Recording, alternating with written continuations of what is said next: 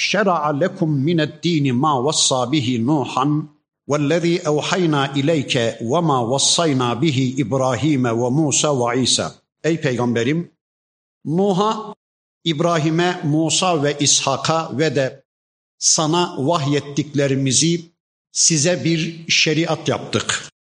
Önceki peygamberlerimiz için bir şeriat belirlediğimiz gibi sizin için de bir şeriat belirledik.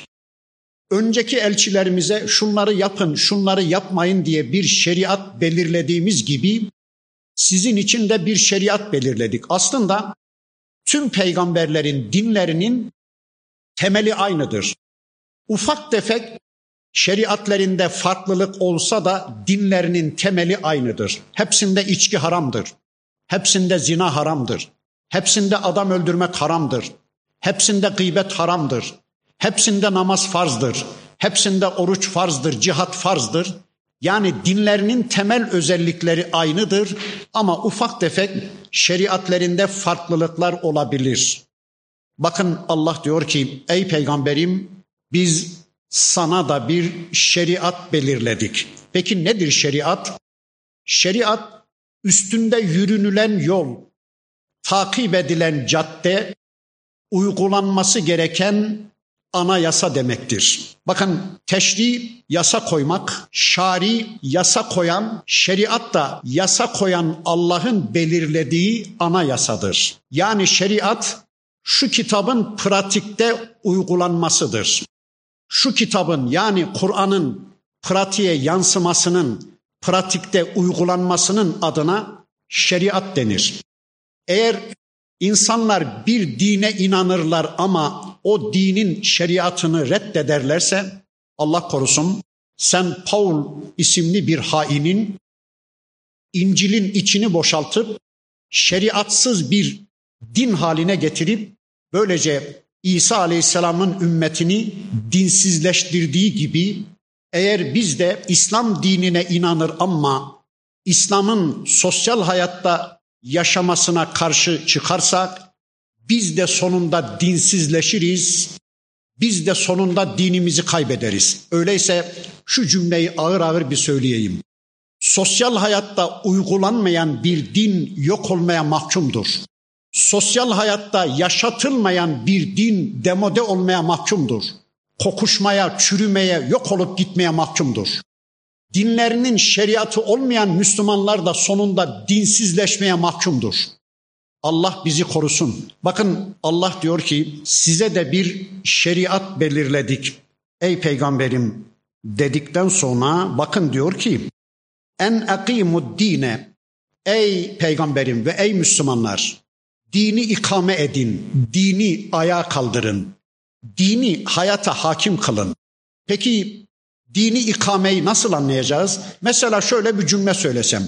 Falan kişi hükümetini ikame etmiştir, hükümetini kurmuştur demek ne anlama gelir? O kafasındaki hükümet modelini çevresine anlattı. Çevresi de onun hükümet modelini, kafasındaki modeli beğendi anlamına mı? Hayır. Hayır. O kafasındaki hükümet modelini hayata geçirdi, mahkemelerini kurdu, yasalarını işletmeye başladı ve hayatın tüm kurumlarını kafasındaki hükümet modeline göre şekillendirdi demektir değil mi? Ya da namazı ikame edin diyor Allah Kur'an'da. Ekımız salate, namazı ikame edin, namazı ayağa kaldırın. Ne demek namazı ikame etmek? Çevrenize namazı anlatın, tebliğ edin, bireysel namazlarınızı kılın anlamına mı? Hayır. Namazı ikame etmek demek, namazı ayağa kaldırmak demek, sosyal hayatın namaza göre şekillenmesi demektir namazın tüm hayata egemen olması demektir. Yani namazın önündeki engellerin kaldırılması, namazın önündeki barikatların kaldırılması, herkesin namaza yönelmesi demektir. Yani ezan okunduğu zaman tüm hayat duruyorsa, tatil, herkes namaza deniyorsa, işte o toplum namaza göre şekillenmiş demektir. Değilse programın boşluklarında Müslümanlar namazın defterini duruyorlarsa, yani zil çalınca ders bitince çocuklar beş dakikada bir kenarda hemen acele namazı kırıveriyorlarsa ya da resmi dairelerde çalışan insanlar programın boşluklarına namazı sıkıştırıyorlarsa o hayat programı namaza egemendir ama ezan okunduğu anda tüm hayat duruyorsa ezan okundu. Herkes namaza, namazın önündeki tüm engeller kaldırılıp sosyal hayat namaza göre şekilleniyorsa işte o toplumda namaz ayağa kaldırılmış, o toplumda namaz ikame edilmiş demektir. Dinin ikamesini de böyle anlıyoruz. Yani sosyal hayatın tüm problemleri dinin emirleriyle çözümlenecek bir hale gelmişse bu konuda Allah ne diyor? Bu konuda peygamber ne diyor? Önce ona bir bakalım. Bu konuyu ancak kitap ve sünnetle çözümleyeceğim, çözümleyelim diyecek hale gelmişse toplum, işte o toplumda din ikame edilmiş demektir. Allah bizden bunu istiyor. Ve la teteferraku bir de ey Müslümanlar dinde tefrikalaşmayın. Yeni yeni görüşler ortaya atıp dinde onu temel kabul edip o konuda sizin gibi düşünmeyenleri tekfir ederek dinde ayrılığa düşmeyin. Dinde bir temel, bir asıl olan bir hükmü dinden çıkarıp ya da dinde olmayan bir şeyi bir bit'atı dine sokup dinde ayrılığa düşmeyin. Ya da her bireriniz dinin bir bölümünü bayraklaştırıp birbirinizi ve dini parçalamayın. İşte görüyoruz. Müslümanlardan kimileri tekfir ayetlerine sarılmış. 30-40 kadar ayet var Kur'an'da. Sanki gittikleri her yerde onu gündeme getiriyorlar. Filan da kafir, falan da kafir.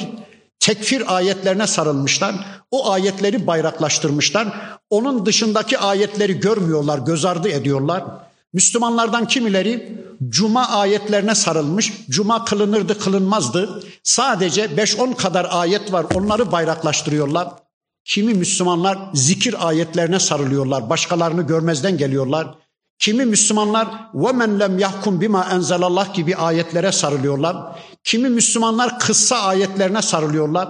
Böylece Kur'an'ı parçalayıp kendilerini de paramparça ediyorlar. Allah diyor ki yapmayın. Dinde parçalanmayın, dini parçalamayın. Kendi kendinizi parçalamayın. Sizden önceki toplumlar da öyle yaptılar. Siz onların durumuna düşmeyin. Kebura alel müşrikine ma ted'uhum ileyhi ey peygamberim senin kendilerini kendisine çağırdığın şeyler müşriklere zor geldi, müşriklere ağır geldi. Peki Peygamber Efendimiz müşrikleri niye çağırmıştı? Tevhide çağırmıştı. Gelin sadece Allah'a kulluk edin. Allah'a Allah dışı varlıkları ortak etmeyin demişti. Tevhid onlara ağır geldi. Allah'ın Resulü müşrikleri namaza çağırmıştı, ağır geldi. Oruca çağırmıştı, ağır geldi. Tesettüre çağırmıştı, müşrikleri ağır geldi. Cihada çağırmıştı, ağır geldi. Senin müşrikleri çağırdığın şeyler onlara ağır geldi. Allahu yectebi ileyhi men yaşa. Allah dilediklerini kendisine seçer. Ve yehdi ileyhi men yunib. Gönülden Allah'a kulluğa yönelenleri kendisine iletir, hidayetine ulaştırır.